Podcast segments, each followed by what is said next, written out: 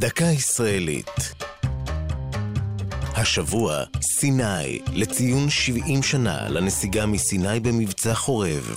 והפעם, גדר הגבול. מאז נחתם הסכם השלום בין ישראל למצרים ב-1982 ועד לעשור הראשון של שנות האלפיים, צוין הגבול בין המדינות באמצעות אבני סימון, ובחלק מהאזורים באמצעות גדר תיל נמוכה.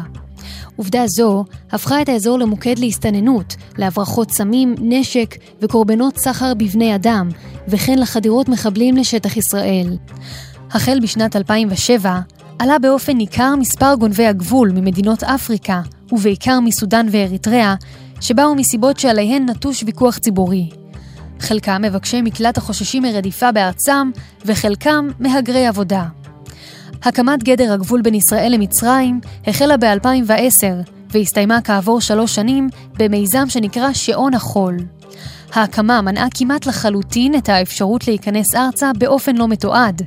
גובה הגדר חמישה מטרים, והיא עשויה מכשול דו-שכבתי. חלקו האחד גדר תיל סבוכה ועבה, וחלקו האחר גדר פלדה עמידה וחזקה.